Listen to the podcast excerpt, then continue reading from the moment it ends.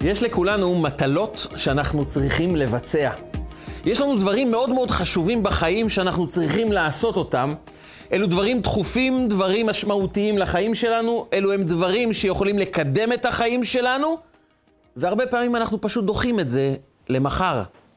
דוחים את זה לזמן אחר, ובוחרים באותם רגעים לקחת איזה גלידה, לאכול משהו טוב, סתם לשבת על הספה, לקרוא משהו, להעביר את הזמן, ואנחנו יודעים שעדיף לנצל את הזמן הזה למשהו הרבה יותר חשוב, אבל משהו תוקע אותנו ומשאיר אותנו בדברים הפשוטים של החיים, באזור המוכר, בנוחות הזו, ואנחנו שואלים את עצמנו לפעמים, למה דחינו את זה לזמן אחר? איך יכול להיות שאדם שיש לו מוח והבנה, שהוא יודע להבדיל בין מה עיקר ומה טפל, מה דחוף ומה לא דחוף, מה חשוב ומה מיותר, האדם הזה, שהרבה פעמים זה אנחנו, מוצאים את עצמנו, עושים את הדברים הפחות חשובים ומניחים את הדברים הבאמת חשובים, את הדברים שבאמת יכולים לקדם אותנו, לזמן אחר לא נודע, אנחנו אומרים לעצמנו מחר, אבל תמיד המחר הזה מגיע מחר, ואז מגיע היעד הסופי, מגיע הרגע שאנחנו צריכים לבצע את זה, ואז אנחנו נכנסים ללחץ, לסחרור, לבצע את מה שאנחנו צריכים. למה אנחנו מגיעים למצב הזה? איך אדם בעל מוח, בעל הבנה, כי הדבר, והדבר שמייחד אותנו ביחס לבהמות, לחיות, זה העובדה שהמוח שלנו שולט על הרגשות. ככה לפחות זה אמור להיות. ואנחנו מוצאים את עצמנו נשלטים. מאיפה זה מגיע? הבעיה הזו היא אחת מהתופעות שהתורה מדברת עליהן מיד בגאולת עם ישראל ממצרים. היכולת הזו לבצע את הדברים שאנחנו צריכים לבצע אותם עכשיו, ברגע הזה, בזמן שאנחנו רואים לנכון שעכשיו זה הזמן הראוי לבצע את הפעולה הזו, אנחנו מיד מבצעים אותה, ולא דוחים את זה למחר. את זה אנחנו פוגשים ביציאת מצרים. בואו נדמיין לעצמנו שאנחנו פוגשים גוי, ששואל אותנו, למה אתם אוכלים שבעה ימים מצות, את הקרקרים האלה? ואתה צריך להסביר לו למה אנחנו אוכלים את המצה הזו. אנחנו גם מסבירים את זה, מסבירים את זה לעצמנו, לילדים שלנו בליל הסדר. אנחנו לוקחים את המצות ואומרים מצה זו על שום מה? על שום שלא הספיק בצקת של אבותינו להחמיץ. במילים אחרות, הקדוש ברוך הוא במשך תקופה ארוכה שובר את הממלכה המצרית, מנפץ לרסיסים את כל העוצמה של פרעה, ובשלב מסוים פרעה כבר לא יכול יותר, והוא אומר לנו, צאו מכאן, אני לא יכול יותר שתישארו כאן, תברחו מכאן. עשר מכות שהשיא זה מכת בכורות, שברו אותנו לגמרי, תצאו מכאן. אז הכנו לחם, אבל לא הספקנו אה, לראות שהבצק יחמיץ, שהבצק יטפח, ואז יצאנו עם מצות. ושלושת אלפים שנה אנחנו אוכלים מצות. כי לאלוקים לא היה לתת לנו עוד שעתיים לחכות שהבצק יטפח קצת ולצאת עם פיתות או לחם נורמלי. ואז אנחנו שואלים את עצמנו, למה באמת לא המתנו עוד כמה רגעים שהבצק יטפח ונצא כמו מלכים ממצרים? הרי כל אדם ממצרים יצא עם 90 חמורים טעונים בכסף וזהב של מצרים. יצאנו כמו מלכים, עשירים, רוקנו את כל הכספות של מצרים. אבל אנחנו יוצאים עם מצות כי לא יכלנו להישאר עוד כמה רגעים כדי לאפות לחם? למה הקדוש ברוך הוא בחר להוציא אותנו, כמו שאומרת לנו התורה בפרשת ראה, כי בחיפזון יצאת ממצרים. יצאנו מארץ מצרים בחיפזון, והשאלה, לאיפה אנחנו ממהרים? נצא ממצרים כמו מלכים, לאט לאט, נתארגן, נארגן את כל המצרכים שאנחנו צריכים, את כל הצידה לדרך, ונצא. אבל אנחנו אוכלים מצות כל שנה כדי להזכיר לעצמנו דבר אחד. כשמגיע הרגע שאפשר לצאת, קום ותצא, אל תחכה לדברים אחרים. בבחירה בין לחם לבין האפשרות לנצל את הרגע הזה כרגע של גאולה, אנחנו בוחרים להיגאל, בוחרים לצאת. אולי נאכל מצות, אבל אנחנו בוחרים בחיים, בוחרים בלנצל את הרגע שהגיע לפתחנו, והרגע הזה אומר לנו, אתה יכול להיגאל עכשיו. אז עכשיו אני יוצא. המחיר זה לאכול מצות ולא לחם, זה המחיר שאני אשלם. זה שולי לגמרי ביחס לעובדה שהנה ניצלתי את הרגע, כי בחיפזון יצאת מארץ מצרים. כי כאשר מגיע אלינו ההזדמנות, אנחנו פשוט לוקחים אותה, ולא מחכים לזמן אחר, כי אז אנחנו צריכים לאפות לחם, ואחר כך אנחנו צריכים גם להכין יין, ואחר כך צריכים גם להכין תיקים, ואז המחר הופך להיות עוד יום ועוד יום, ואנחנו דוחים את הדברים. באה אלינו התורה ואומרת גאולה, זה לבצע עכשיו את הדבר החשוב. לבצע כעת את מה שנכון עבורנו, לנצל את ההזדמנות ולא לחכות לזמן אחר, כי שום זמן אחר לא יהיה יותר טוב מהרגע הזה שאנחנו יכולים להיגאל, לצאת ממצרים. ואת זה המצע בא ללמד אותנו כל שנה ושנה. וזה לא נגמר ביציאת מצרים. זה מגיע לפרשת השבוע, פרשת בשלח. פרשת בשלח מתחילה עם שירה אדירה. שירת הים. עם ישראל חוצים את ים סוף, רואים את המצרים טובעים בים סוף. כל יהודי ראה את המצרי שהיכה אותו, שהתעלל בו, הוא ראה איך הוא טובע בים. אתם יודעים כמה טוב זה עושה לעבד שהתעללו בו כל חייו שהוא רואה את המצרי הנאצי טובע בים מתוך ייסורים, כולם טבעו. הכסף והזהב שלהם נפלט ליבשה, ועם ישראל שרים שירה גדולה לקדוש ברוך הוא. נגמרה השירה, ממשיכים במדבר, ואז מגיעה מלחמת עמלק. בדרך מתלוננים עם ישראל, אין מים, אין אוכל. סוף פרשת השבוע שלנו, ויבוא עמלק ויילחם עם ישראל ברפידים. עם ישראל, מגיעים לאזור רפידים, ועמלק פותח במלחמה מול עם ישראל.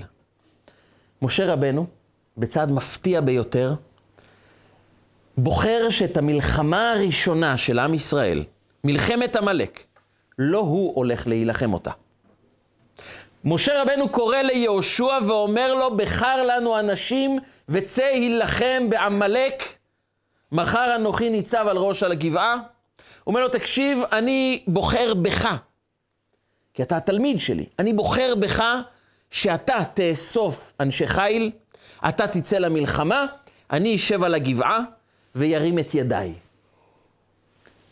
אני ארים את הידיים כדי לעזור לעם ישראל מבחינה רוחנית, שיכוונו את ליבם לשמיים, וכאשר הידיים שלי למעלה, תדעו שאתם מנצחים, כשהידיים יורדות למטה, זה סימן שעם ישראל מפסיד במלחמה.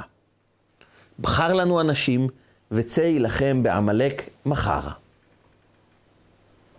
פותחים במלחמה, ופתאום משהו מוזר, משהו מפתיע. וידי משה כבדים.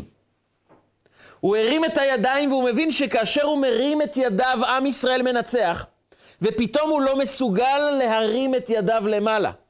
הוא מבין שחיים של עם שלם תלויים בזה.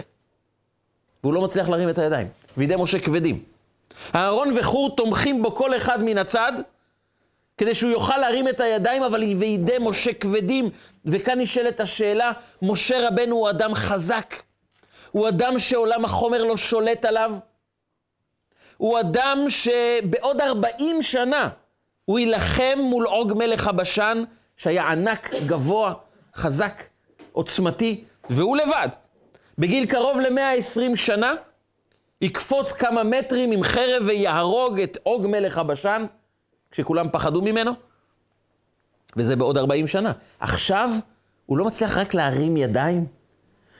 בהר סיני הוא יעבור 40 יום ו-40 לילה, בלי לאכול, בלי לשתות. אדם עם ניסים כאלו, אדם כל כך חזק ועוצמתי כמו משה רבנו, שביום הפטירה שלו אנחנו קוראים בתורה ולא נס לכו.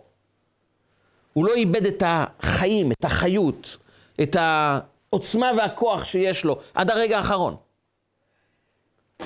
הוא לא יכול להרים את הידיים במלחמה כדי להגן ולעזור לעם ישראל. אנחנו יודעים שאנשים פשוטים בזמני מלחמה מגלים כוחות עצומים, כוחות אדירים. כוחות של אנשים פשוטים שיכולים הרבה יותר מרק להרים ידיים כמה שעות. וידי משה כבדים. מדוע? אומר לנו רבי יונתן בן עוזיאל, אחד מגדולי התנאים, שהוא כתב את תרגום יונתן בן עוזיאל, תרגום על התורה, שכל התרגום הזה הוא גם פירוש ומדרש על הפסוקים. והוא אומר את הדבר הבא: משה רבנו כבדו ידיו בזמן התפילה, בזמן שהוא התחנן לקדוש ברוך הוא שיגן על עם ישראל ויעזור להם במלחמה, הידיים שלו כבדו בגלל סיבה אחת. כי הוא אמר ליהושע בן נון, בחר לנו אנשים וצא יילחם בעמלק מחר. ולפי שלא פעל באותו היום לגאולתם של ישראל, כבדו ידיו. למה אתה דוחה למחר? למה מחר יהיה יותר טוב מהיום? למה בחר לנו אנשים וצא יילחם בעמלק מחר? למה לא היום? אולי היום צריכה להגיע הגאולה לעם ישראל? למה לדחות למחר את הגאולה שאפשר להביא היום? וידי משה כבדים כי התורה באה ללמד אותנו שהדחייה הרבה פעמים מגיעה מחשיבה שמחר יהיה יותר קל, מחר יהיה יותר טוב, מחר תזרח השמש. אבל מחר רק יהיה וידי משה כבדים. כשאדם דוחה דברים, הוא נהיה יותר חלש, הוא לא נהיה יותר חזק. דברים רק מסתבכים מחר, כי אותה סיבה שדחפה אותי היום לדחות למחר, היא הופכת להיות סיבה הרבה יותר עוצמתית לדחות ממחר למחרתיים. או כמו שאנשים אומרים, אל תדחה למחר מה שאתה יכול לדחות למחרתיים. אם אפשר לדחות להרבה יותר מאוחר, תדחה, פשוט תשים את כל הדברים הקשים, המסובכים, לזמן מאוחר יותר. עכשיו פשוט תשב, תהנה, אל תעשה שום דבר. והתורה אומרת לנו, גאולתם של ישראל, זה יכול להיות עכשיו, אז עכשיו זה צריך להיות. משה רבנו בחר לדחות את זה למחר, כבדו ידיו. כי בא הקדוש ברוך הוא ואומר, מהות גאולתם של ישראל זה לנצל את ההזדמנות שעכשיו אני יכול לעשות אותה, ואם עכשיו אני יכול לעשות אותה, זה יהיה חמור מאוד אם אני דוחה לרגע אחר. כי אם עכשיו הגיע הזמן, אז עכשיו מנצלים את זה. עכשיו מנצלים את ההזדמנות. והשאלה רק מתחזקת עוד יותר. אז מה גורם לנו לדחות את זה לזמן אחר, אם אני מבין שהפעולה הזו שאני אעשה תביא לי גאולה, תקדם אותי, תפתח אותי, תעזור לי בחיים. אז למה אני בוחר סתם לעשות דברים לא מועילים? אדם יכל בשעה שלפניו ללמוד, ללכת לשיעור שיקדם אותו, ללכת לפגישה שתהיה מאוד חשובה עבורו, להתחיל לעבוד על הפרויקט שהוא צריך להגיש, לנהל שיחה מאוד חשובה עבורו. והוא אומר, פעם הבאה, והולך לאכול משהו, סתם לשכב, סתם לקרוא, לצפות במשהו. למה? למה אדם חכם עושה את זה? וכאן מגיעה החסידות ומציבה בפנינו את המאבק התמידי שבו אנחנו נמצאים יום-יום בחיינו. המאבק הוא בין הנפש הבהמית לנפש האלוקית.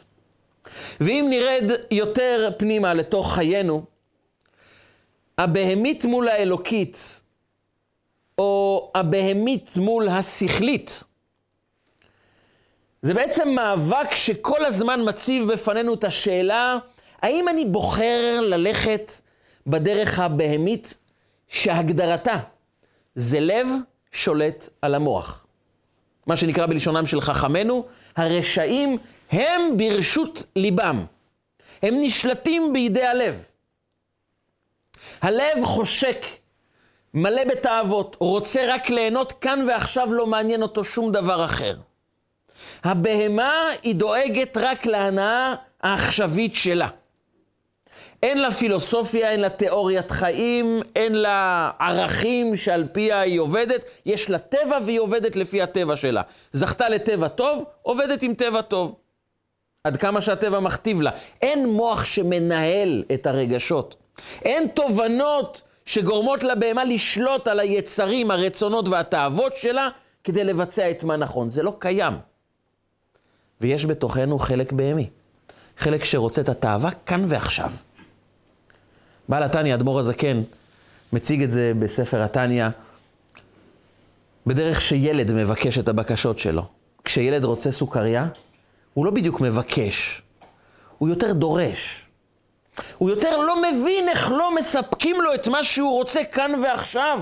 הוא ממרר בבכי, הוא צועק, הוא קוצף. איך יכול להיות שאני רוצה את הדבר הזה ולא נותנים לי? וההורה החכם אומר לו, מה אתה עושה סיפור בשביל דברים קטנים?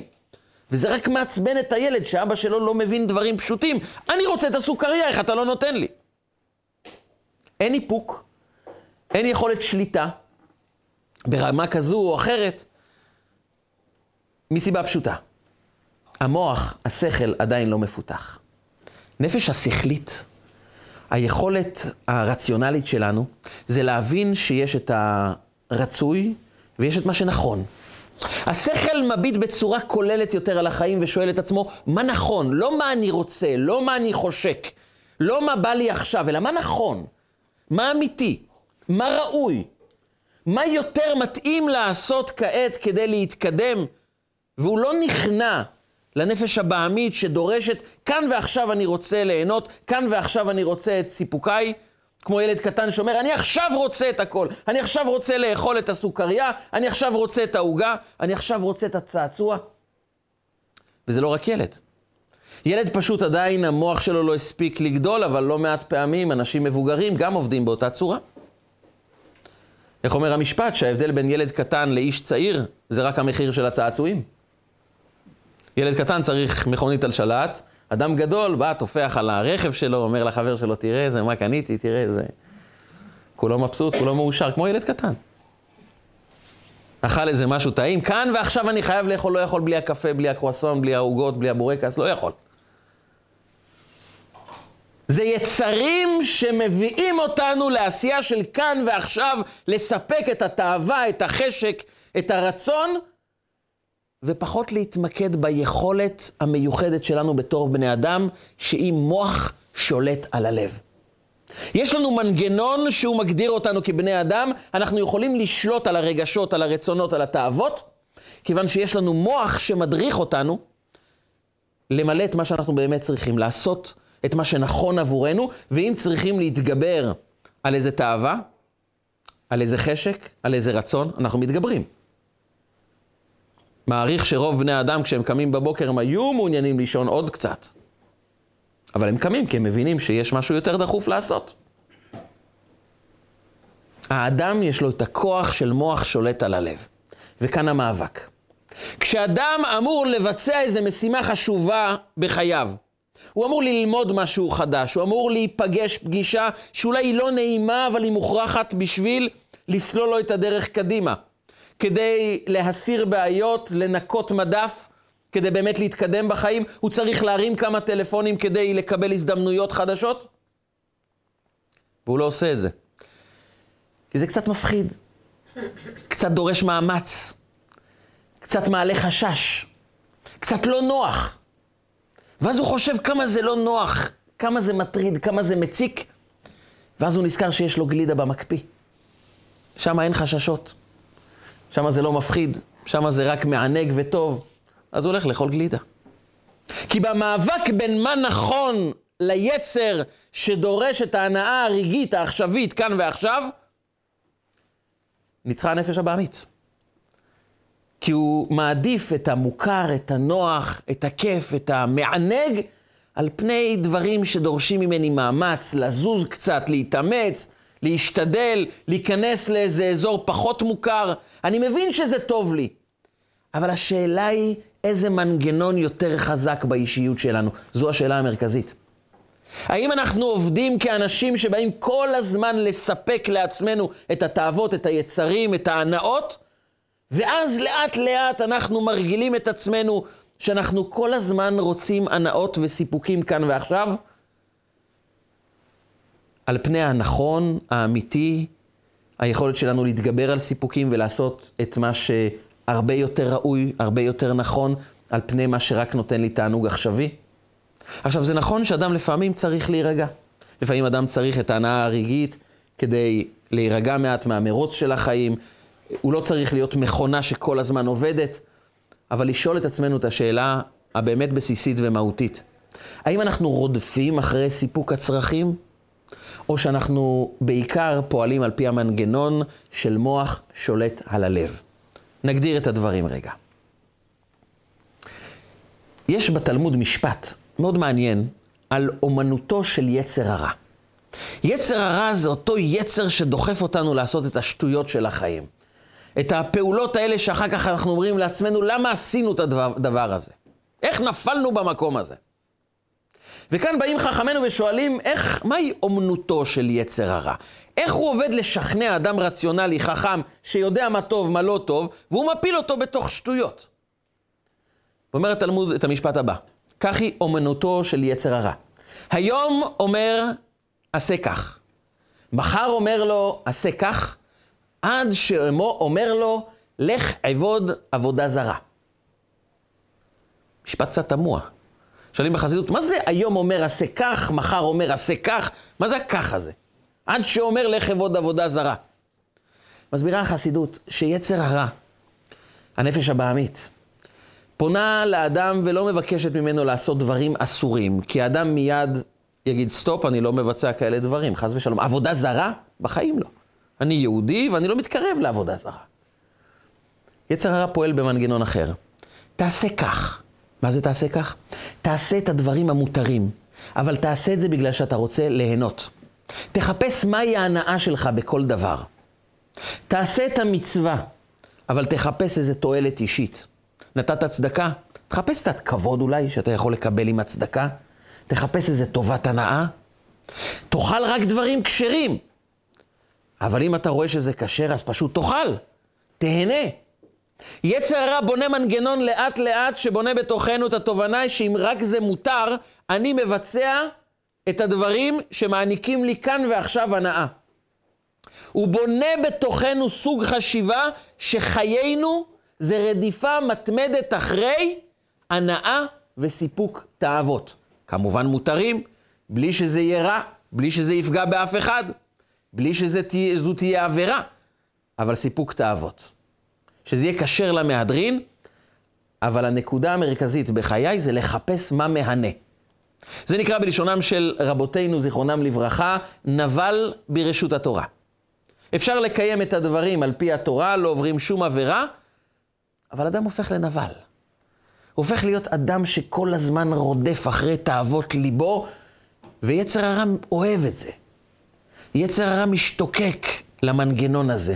למרות שעדיין לא עשינו שום עבירה, הוא שמח במצב הזה מסיבה אחת פשוטה.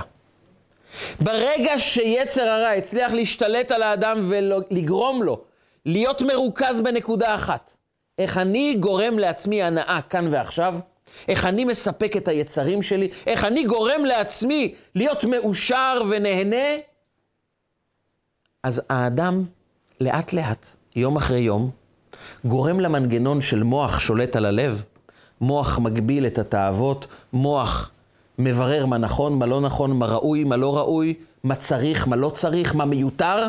המנגנון הזה נרדם, עובר זמן והוא מחליד. ואדם כבר לא יודע איך משתמשים במנגנון הזה של אני מבין שזה לא בסדר ולכן אני גם לא עושה. כי המוח שולט על הלב. אם אני מבין שזה לא בריא, אני פשוט לא אוכל.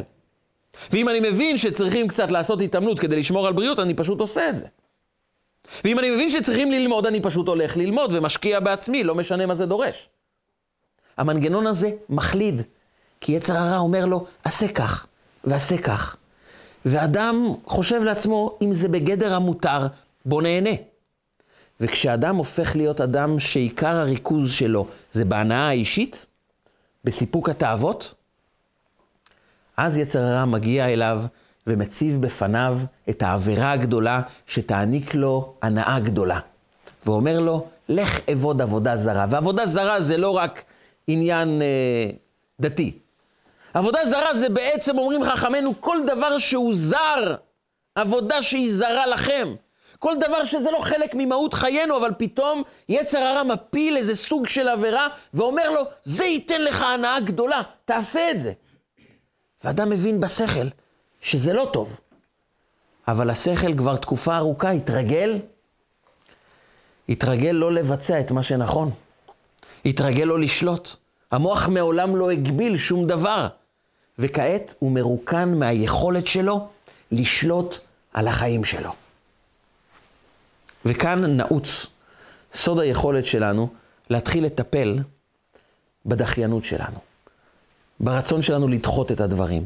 זה להבין שהסיבה שאנחנו דוחים דברים, זה בגלל שאנחנו מעדיפים את הכיף, ההנאה, את המוחשי של כאן ועכשיו טוב לי, והדברים הלא טובים, בוא נדחה את זה לזמן אחר, כי אני לא יכול להתמודד איתם. הם טובים, הם חשובים, הם ראויים, אבל יש לי עכשיו את מה שיותר דחוף לי, מה שמושך את ליבי כעת. ואתם יודעים שזה מתחלק לשני חלקים. חלק אחד זה דחייה של דברים שבסופו של דבר מישהו יאמר לנו, הגיע הזמן להגיש את העבודה. הגיע הזמן לבצע את מה שצריך. יש לנו דדליין. יש לנו מישהו שיזכיר לנו שאנחנו צריכים לבצע את הדברים. וזה הרע במיעוטו, כי בסופו של דבר נעשה את זה תחת לחץ. גם אנשים שאוהבים את הלחץ, בסופו של דבר לבריאות זה לא טוב. יש אנשים שבכלל תחת לחץ הם בכלל מאבדים יכולת לתפקד. כך או כך זה לא בריא. אבל לפחות עושים. אבל כמה דברים אנחנו דוחים ואין אף אחד שיכול לפקח על מתי נעשה אותם? כשאנחנו רוצים לבקר הורים ודוחים את זה מזמן לזמן, כשאנחנו רוצים לצאת עם המשפחה לזמן איכות, זמן שאנחנו יכולים לתקשר בלי הסחות דעת, להיות אחד עם השני, ואנחנו אומרים בזמן אחר, לשבת עם הילד כמה רגעים לבד איתו ביחד, לחשוב עליו, לחשוב לאיפה הוא מתקדם, מה הכוחות שיש לו, מה היכולות שיש לו. לשבת אישה עם בעלה, בעל עם אשתו. ואנחנו דוחים את הדברים. ולעיתים לרוע המזל, אנשים נזכרים בזה, שזה כבר קצת מאוחר. לא מעט אנשים מספרים שכאשר כבר הם איבדו את האנשים הקרובים אליהם, הם אומרים, אבל למה לא ניצלנו את הזמן? היה לנו זמן שיכלנו להיות איתם, למה לא ניצלנו את הזמן הזה? דחינו, היה עבודה, היו טרדות, אבל יכלנו לנצל את הזמן, כי דחינו את הדברים החשובים עבור הכאן ועכשיו. לעתים הורים נזכרים שהם לא נהנו מחוויות הילדות של הילדים שלהם, כשהילדים כבר עזבו את הקן. הם גדלו, פרחו, אנחנו אומרים, אבל איפה הילדות הזו נעלמה? כמה חווינו אותה באמת? כי אין מישהו שיבוא ויאמר לנו, דווקא בדברים החשובים באמת, הגיע הזמן לעשות את הדברים החשובים כעת, ולשים את הדברים השוליים בצד. אין מישהו שיזכיר לנו. והכי גרוע, זה שאנחנו לא נפגשים עם עצמנו. אדם עובר 20 שנה, 30 שנה, ואומר, מה התקדמתי בשנים האלו? מתי פגשתי את עצמי ואמרתי, בוא נתקדם, בוא נלמד, בוא נפתח את עצמנו, בוא נהפוך לטובים יותר, בוא נבנה תוכנית עבודה, עבודה עבור עצמנו. אבל אדם נזכר מאוחר מדי. ולכן הצעד הראשון, כדי שאדם ידע לשים את מה שבאמת חשוב בקדמת הבמה ולשים את הדברים המיותרים השוליים בצד, הצעד הראשון זה לשאול את עצמי כמה פעמים ביום אני מתרגל את המנגנון של מוח שליט על הלב. עד כמה אני יודע לשים את מה שנכון ולהתגבר על היצר. עד כמה אני יודע לשים את הדברים החשובים ולגרום להם להיות בקדמת הבמה ולא לדחות אותם לזמן אחר. עד כמה אני משליט בתוכי, בתוך האישיות שלי, שלנו, את המנגנון הזה שאומר, מוח שולט על הלב. גם אם דברים הם כשרים, טובים, מתוקים, אבל אולי זה מיותר, אני מתגבר רגע אחד. בלשון החסידות קוראים לזה איתקפיה. איתקפיה זה תכפה רגע, ת, תיתן כפייה מסוימת ליצר, לא ככפייה, כי זה נשמע לנו המילה הזאת קצת קשה ולא נעימה ומשהו ככה לא בריא, אבל כפייה זה בעצם יכולת שלנו לומר רגע אחד. אתה רוצה לאכול? תמתין רגע. כמה רגעים. לא לבלוע ישר את הדברים, להמתין רגע. היכולת שלנו לשלוט כמה רגעים על היצר. לשאול את עצמנו האם אנחנו יכולים לעשות את מה שמותר, אבל בעוד כמה רגעים. לא להגיב מהבטן מיד. אנחנו כועסים לא להתפרץ מיד, לקחת כמה רגעים של שתיקה, של מחשבה, להרגיל את עצמנו, דרך האיתקפיה, להרגיל את עצמנו שהמוח הוא זה ששולט על הלב. ואז לאט לאט נבנית בתוכנו ההכרה שהמוח הוא הפוסק האחרון, הוא השופט העליון, הוא זה שמדריך בסופו של דבר מה נכון לעשות.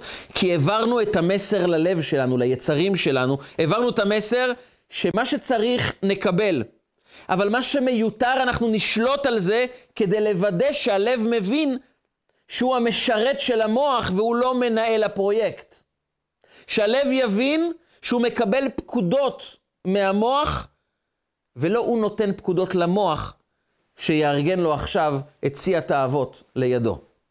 אדם כזה, שמבין בתוכו שהמוח הוא זה ששולט, הוא יכול להגיע למצב שניצבת בפניו השאלה, ליהנות או לעשות את מה שנכון?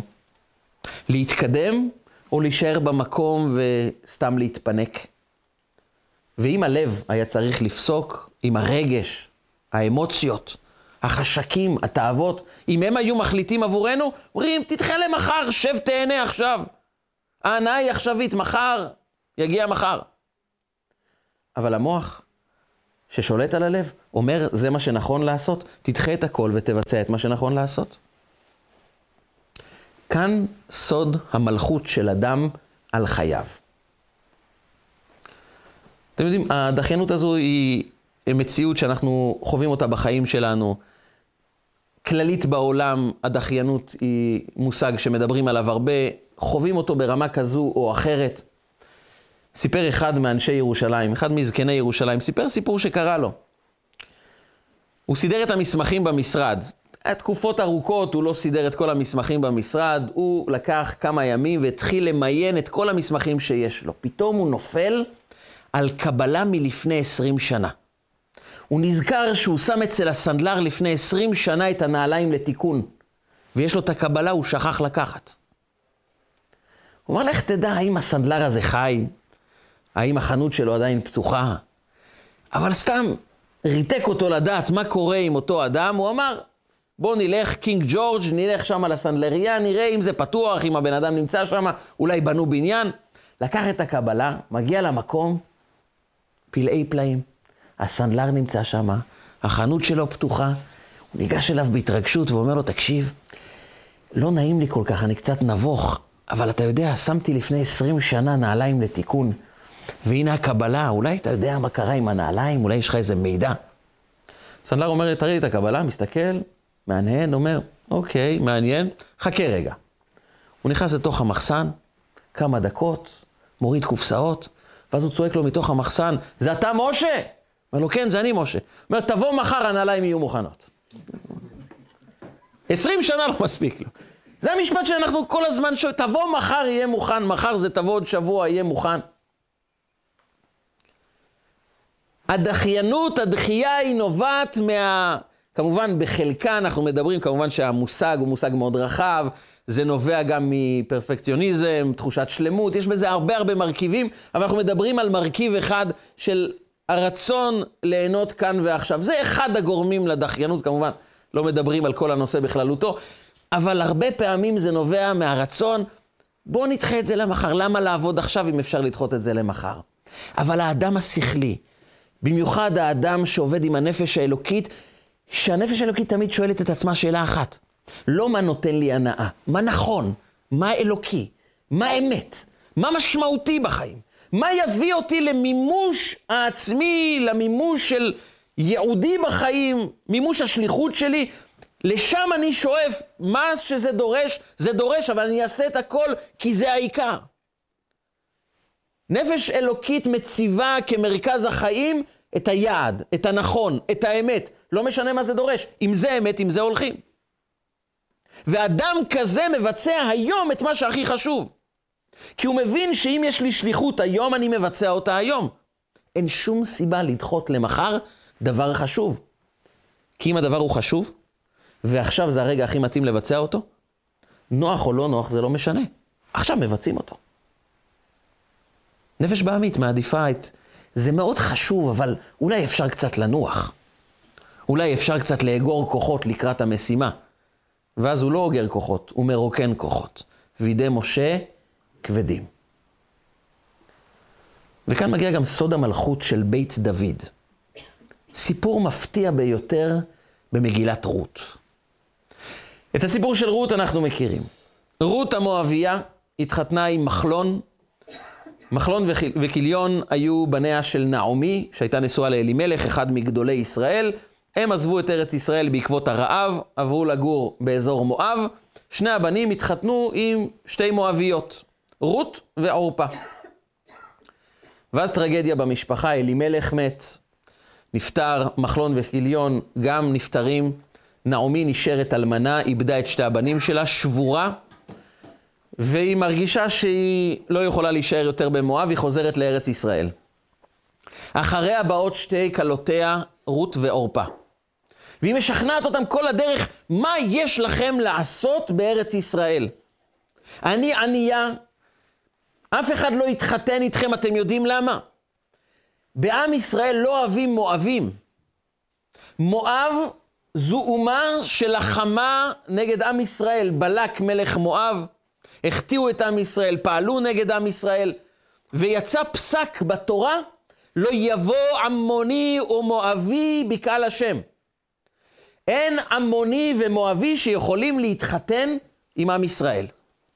ממילא, מי יתחתן איתכם? אז נכון שיש ספק אולי עמוני ומואבי לא, אבל עמונית ומואבית כן. אבל מי יכניס את עצמו לתוך הסיפור הזה? עורפה עוזבת, ורות דבקה בנעמי.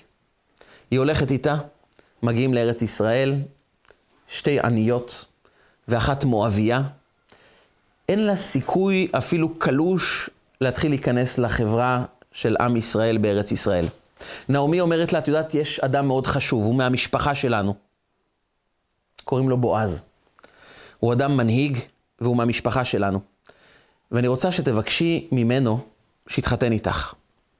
כדי לזכור את מחלון, הבן שלי, והוא נקרא גם גואל מבחינה הלכתית, הוא צריך לפדות את השדות שהיו שייכים, את הנחלה שהייתה שייכת למחלון, תבקשי ממנו שיגאל את השדה, שיקנה את השדה שלו, ושגם יתחתן איתך. סיפור הלכתי מסוים. היא ניגשת אליו בלילה, מבקשת ממנו, ופרסת כנפיך על אמתך. אני מבקשת שתישא אותי לאישה.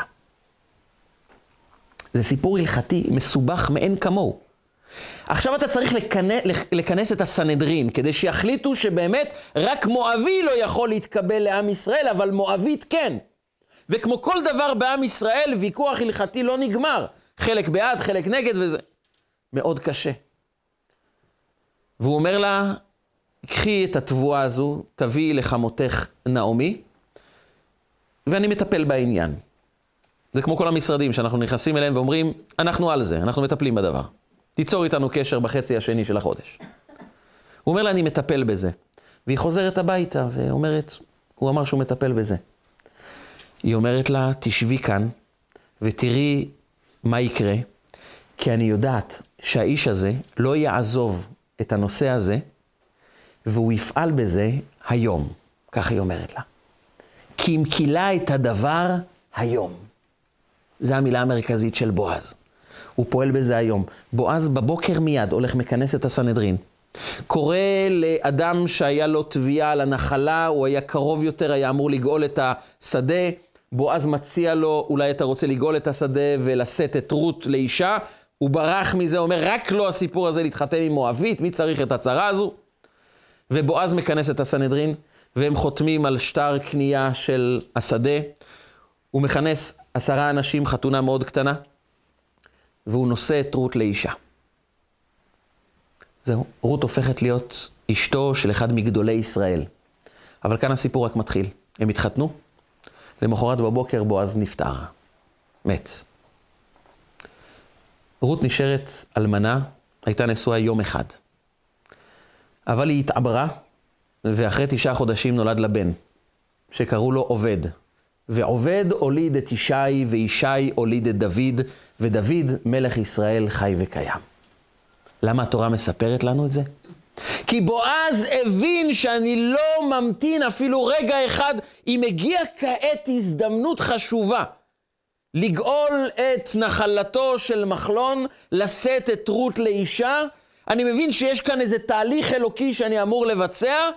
אומרת לה נעמי, אני יודעת את ה-DNA של מלכים בעם ישראל. ה-DNA שלהם זה שהוא לא ממתין.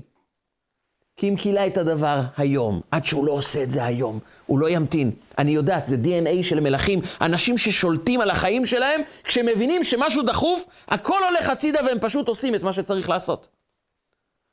ובגלל שהוא לא דחה את זה למחר, הוא זכה להתחתן, ונולד לו ילד, עובד, שממנו יבוא ישי וממנו יבוא דוד, מלכות בית דוד, שממנה גם יבוא משיח צדקנו, הגיע בגלל שאדם החליט לבצע את הפעולה הנכונה היום ולא מחר. כי אם הוא היה ממתין למחר, הוא היה נפטר וכל זה לא היה קורה.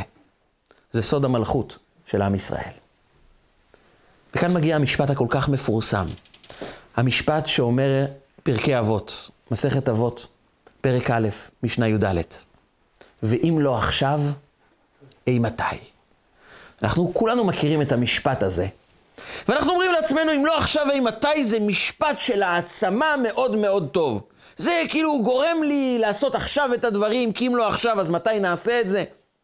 אבל עד כמה אנחנו באמת מזדהים ומבינים את המסר של המשפט הזה? באמת אם לא עכשיו, אימתי? אם לא עכשיו, אני לא יכול לעשות את זה בעוד שעה? אנחנו אומרים לעצמנו, בסדר, עדיף לעשות עכשיו. אבל זה לא שאם לא עכשיו ואימתי. אם לא עכשיו, אז עוד שעה, ואם לא היום, אז מחר. אבל כמשפט זה משפט יפה, אם לא עכשיו ואימתי, אם לא תעשה עכשיו, אז מתי תעשה? אבל חכמינו לא צוחקים איתנו. אומרים, אם לא עכשיו, לעולם לא תעשה את זה. ומה ההסבר? אם אני לא אעשה עכשיו, אולי זה לא טוב, אבל אני אעשה. בעוד כמה שעות, מחר, שבוע הבא, אני אעשה את זה. בא הרמב"ם בפירוש המשניות לפרקי אבות ואומר את הדבר הבא. כשאדם בוחר לא לעשות עכשיו, הוא לא רק לא מבצע את המשימה, זה הכישלון הקטן. הכישלון הגדול הוא מה? הקניין בנפש, התכונה שהוא רכש לעצמו, המנגנון שמתחיל להתפתח בתוכו. מנגנון שלא מבצע את מה שנכון כעת. הוא מתרגל לדחות דברים. וכאשר הוא דוחה את זה למחר, למחרת המנגנון הזה הרבה יותר מפותח, הוא כבר התרגל בתוכו שלא מבצעים משימות, דוחים את זה למחר, אז מחר זה עוד יותר קשה. ואז הוא דוחה את זה עוד יום. ועל זה נאמר, על מי שלא לומד תורה היום, אם תעזבני יום, יומיים אעזבקה.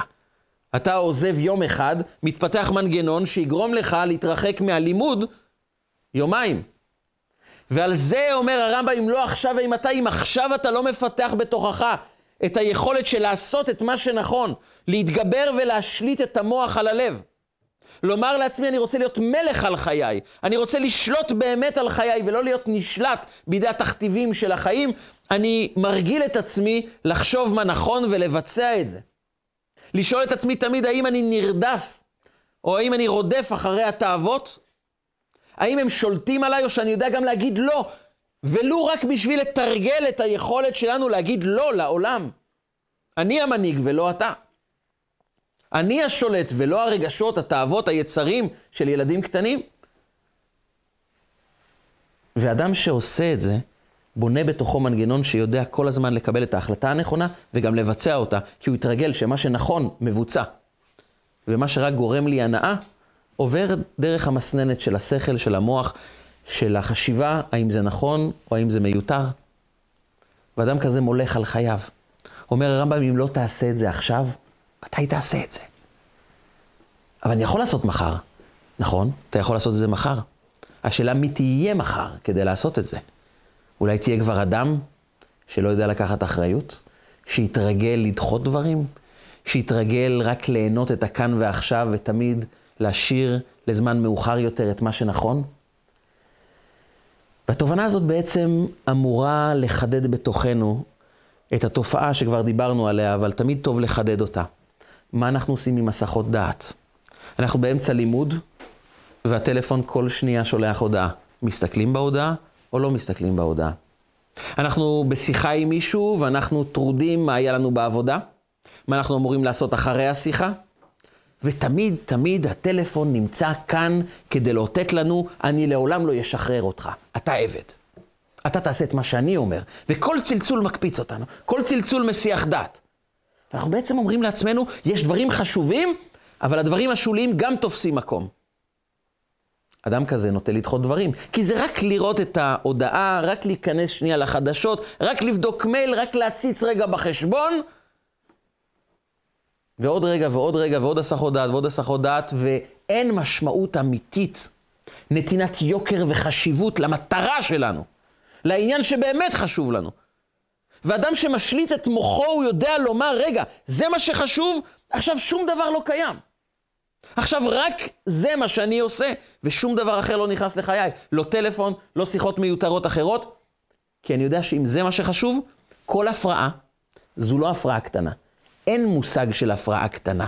אין מושג של רק הודעה קטנה, רק הצצה קטנה. זה לא קיים, זה שטות, זו פיקציה, זה לא נכון. כי הפרעה קטנה זה בעצם לבנות בתוכנו מנגנון שבא ומתייחס להסחות דעת ופחות ממוקד בעיקר. זה לא שאלה של רק הצצתי בהודעה, זה תודעה שנבנית בתוך האדם. אני עסוק בשולי בזמן שאני עסוק בחשוב, ואני לא יודע במה אני משקיע יותר. והאדם אמור לקחת לעצמו את האחריות, לשים בצד את הדברים השוליים לגמרי, לא להתייחס אליהם, הם לא פה. הגמרא מביאה לנו את זה כמשל על מה שיהיה לעתיד לבוא. היא נותנת לנו דוגמה מאוד מעניינת. כתוב כך בגמרא, שלעתיד לבוא הקדוש ברוך הוא עתיד להביא את היצר הרע ולשחוט אותו. לגמור את הסיפור של יצר הרע. יום אחד זה יסתיים הסיפור הזה. אבל אז הצדיקים רואים את היצר הרע ומתחילים לבכות כי הוא נראה להם כמו הר. הם אומרים, איך עברנו את ההר הזה? איך התגברנו עליו? צדיקים רואים את היצר הרע כהר. והרשעים? הרשעים מסתכלים על היצר הרע והוא נדמה להם כחוט השערה, כדבר הכי פשוט וקל, ומתחילים לבכות איך לא התגברנו על הדבר הפשוט הזה. איך לא התגברנו על הדבר הקל הזה? שואלים המפרשים, זה אמור להיות הפוך, לא?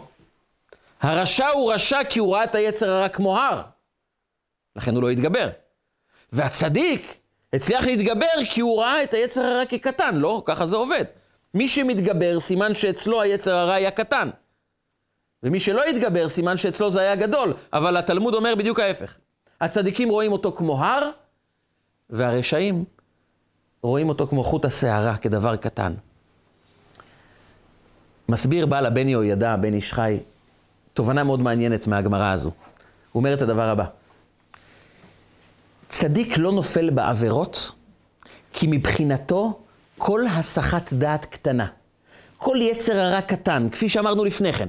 כשהוא בא ואומר לו, היום אומר עשה כך, ומחר אומר עשה כך, הוא אומר לנו, בקטנה, הסחת דעת קטנה, ממש שולית.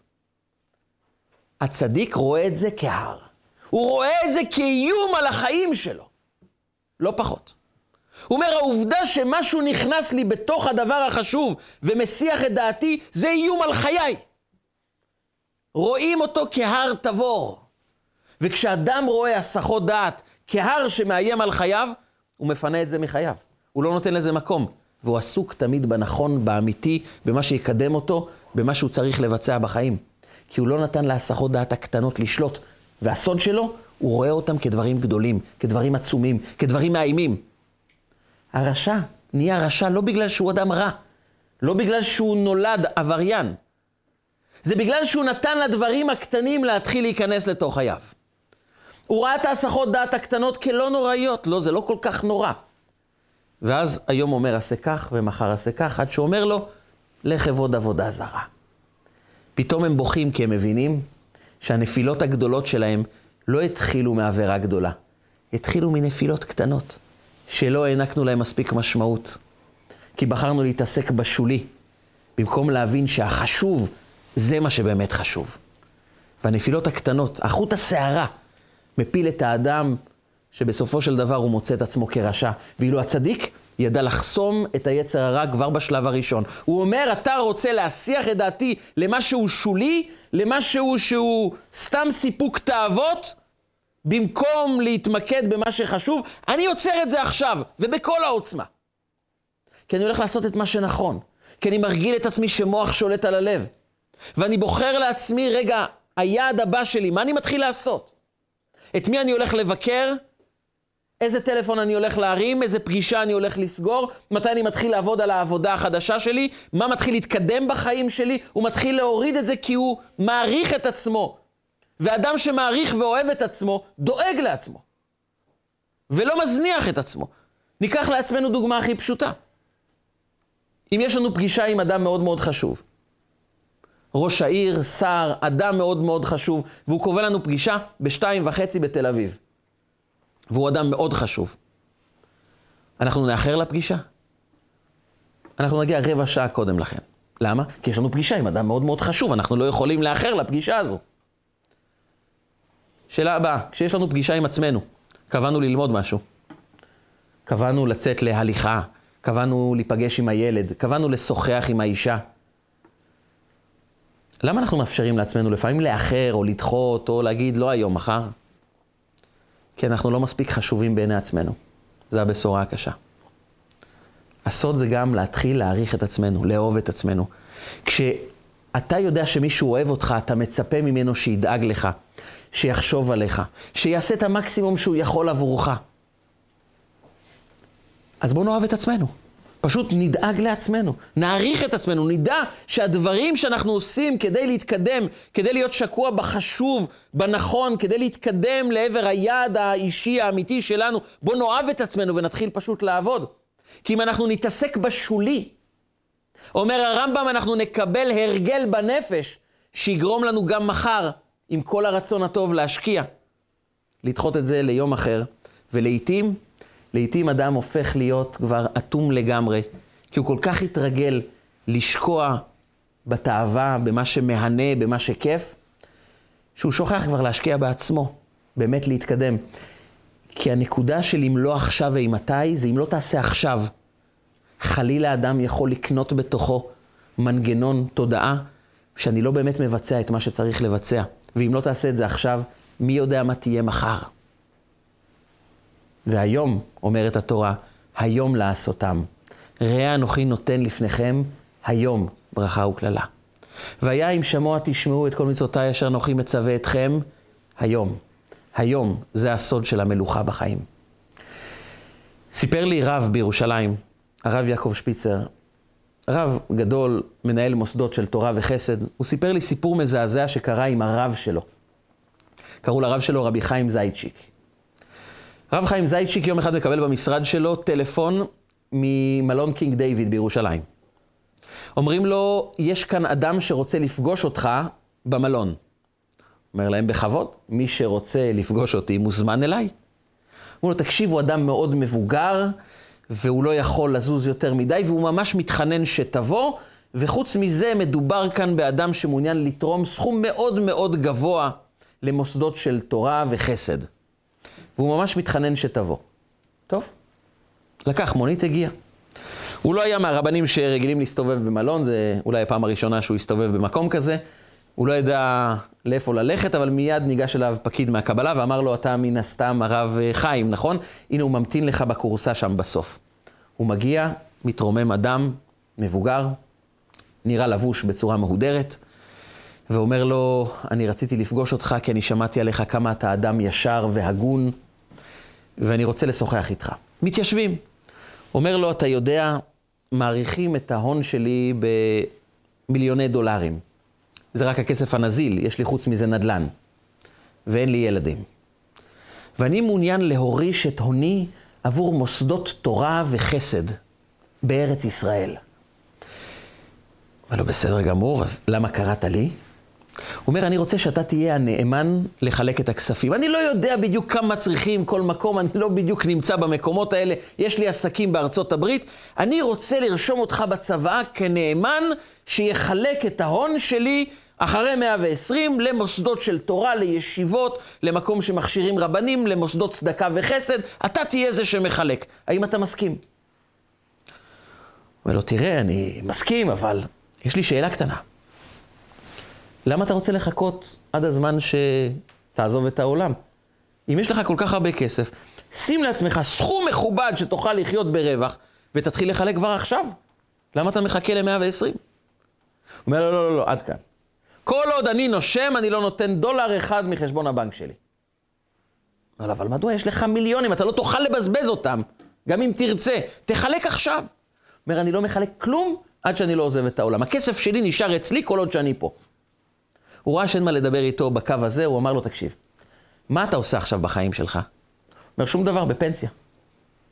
אומר, אז תעזוב, תן תרומות לישיבות, יעשו בשבילך ערב הוקרה, תלך מערב הוקרה אחד לערב הוקרה שני, ניסה לדבר אליו אל הגאווה, אל הכבוד. אמר לו, בוא תהנה, תהנה, ייקחו אותך לביקורים בישיבה הזו, בבית יתומים הזה, במוסד צדקה וחסד כזה, תהנה, יעשו לך כבוד, תבקר, תראה עולם, יעריכו אותך, ייתנו לך כבוד, למה לא?